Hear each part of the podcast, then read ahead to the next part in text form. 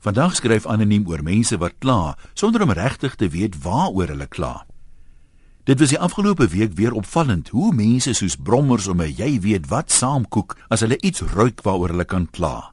Soms moet 'n mens natuurlik kla, maar meer dikwels kla mense oor iets wat hulle glad nie eers raak nie en nog meer dikwels oor iets waarvan hulle bloed weinig weet. Almal ken mos iemand wat gaal braak oor 'n boek of 'n fliek wat hy nie gelees of gesien het nie. Die berigte oor Halloween wat op dieselfde dag in dieselfde koerant verskyn het, is 'n goeie voorbeeld. Dis een ding dat 84,4% van die lesers in 'n peiling gesê het hulle vier nie Halloween nie, maar hulle kan dit nie daar laat nie en moet darem 'n eiertjie lê en 'n oordeeltjie vel oor die klein minderheid wat dit wel vier. Ek vier ook nie Halloween nie, maar die mense wat dit doen, het my nog nooit geplan nie. Om die waarheid te sê, ek weet nie as hulle doen dit nie. Talle lesers spoel egter mond uit oor hoe onchristelik Halloween is. Dis 'n maaksel van die duiwel en as jy daaraan deelneem, maak jy jou oop vir die duiwel en jy nooi hom in jou huis in. Halloween is 'n satanistiese fees en Jesus het hom reeds oorwin. Halloween is ook 'n Amerikaanse ding wat nie in ons land hoort nie en waarop Suid-Afrikaners glo te lank gespeen is. Om te dink ek het die hele speenery heeltemal gemis. Maar in dieselfde koerant sit 'n teologieprofessor die geskiedenis van Halloween uiteen.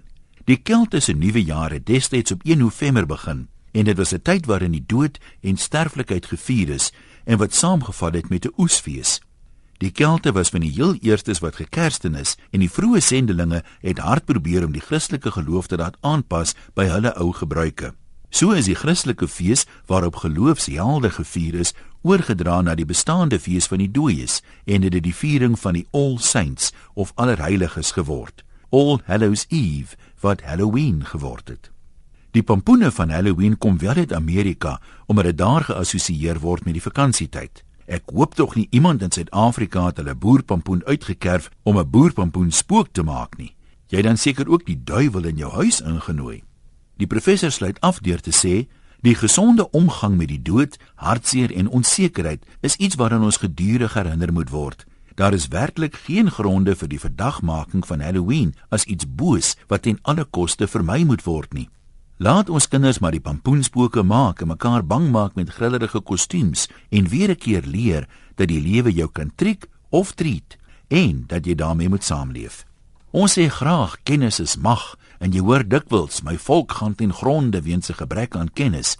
Maar soms voel dit of daar nie een regverdige in die hele Jerusalem is wat bereid is om homself met die nodige kennis te bemagtig nie. Gelukkig stop dit darm niemand om 'n opinie te hê wat hy in iemand anders se keelgat kan afdruk nie. Groete van oor tot oor. Antoniem